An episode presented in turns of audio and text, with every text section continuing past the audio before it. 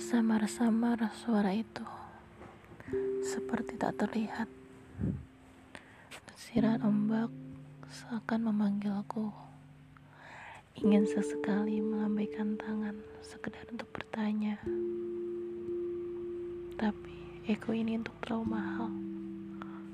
Kiasan yang dulu sempat ada, kini ia tersapu oleh hembusan angin. Dalam hati berteriak memanggilmu. Tapi semesta seakan tak berpihak.